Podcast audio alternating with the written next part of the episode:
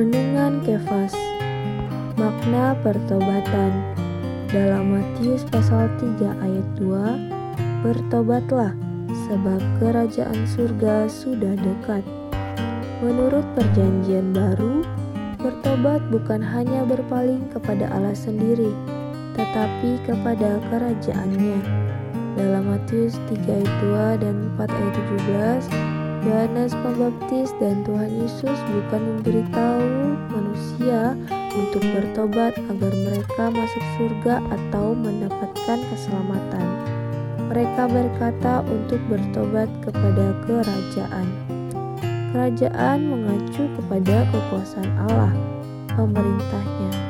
Sebelum diselamatkan, kita tidak berada di bawah pemerintahan Allah. Namun, Ketika kita mendengar pemberitaan Injil, kita berpaling kepada kerajaan Allah, pemerintahan Allah, dan sekarang kita berada di dalam kerajaan Allah. Kita harus berpaling dari segala perkara yang di luar Allah kepada Allah dan kerajaannya, meletakkan diri kita di bawah pemerintahannya supaya kita dapat berada di dalam kerajaannya. Ketika kita bertobat, kita memiliki perpalingan sebenarnya dari segala sesuatu, baik atau buruk kepada Allah sendiri. Hal ini bukan hanya perpalingan di dalam pikiran, tetapi juga dalam aktivitas, dan bukan hanya berpaling dari perkara yang buruk, tetapi juga dari perkara yang baik, karena perkara yang baik juga dapat berlawanan dengan Allah. Kita harus berpaling kepada Dia dari perkara yang demikian sebagai kaum beriman dalam Kristus, kita harus berpaling secara aktivitas dan pelaksanaan kepada Allah sendiri dari segala sesuatu.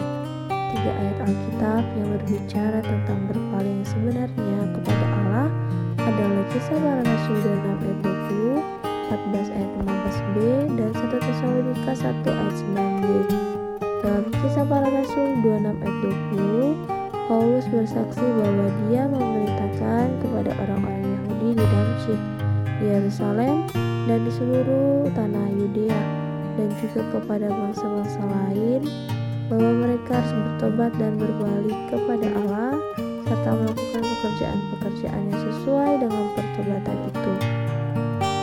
Dalam kisah para rasul 14 ayat 15b, Paulus dan Barnabas memberitahu orang harus meninggalkan perbuatan sia-sia ini dan berbalik kepada Allah yang hidup, yang telah menjadikan langit dan bumi, laut, dan segala isinya. Sia-sia di sini mengacu kepada berhala dan perihal menyembah berhala. Karena itu, bertobat adalah berpaling dari berhala kepada Allah yang hidup, yang menciptakan segala sesuatu. Beriman di Tesalonika membuat perpalingan demikian dan Paulus berkata kepada mereka, "Kamu berbalik dari berhala-berhala kepada Allah untuk melayani Allah yang hidup dan yang benar." Berpaling kepada Allah dari berhala-berhala bukan hanya meninggalkan ilah-ilah palsu dengan iblis dan roh-roh jahat tetapi juga berpaling dari segala sesuatu yang di luar Allah. Hal ini terjadi melalui iman yang diinfuskan ke dalam orang baru, berpaling melalui mendengar perkataan Injil. Melayani Allah yang hidup dan yang benar adalah melayani Allah yang Tritunggal, Bapa, Putra, dan Roh, yang telah melalui proses menjadi hayat dan suplai hayat untuk kita nikmati. Terang hari ini bertobat, yang adalah perpalingan yang sungguh-sungguh kepada Dia. Sekarang kita bukan hanya harus mengalami Dia sebagai sasaran penyembahan, tetapi juga sebagai Sang Al-Muhid yang tinggal di dalam kita. Doa hari ini berdoa supaya Allah dapat membuat kita berpaling dari segala hal yang selain Dia kepada Dia melalui bertobat. Amén.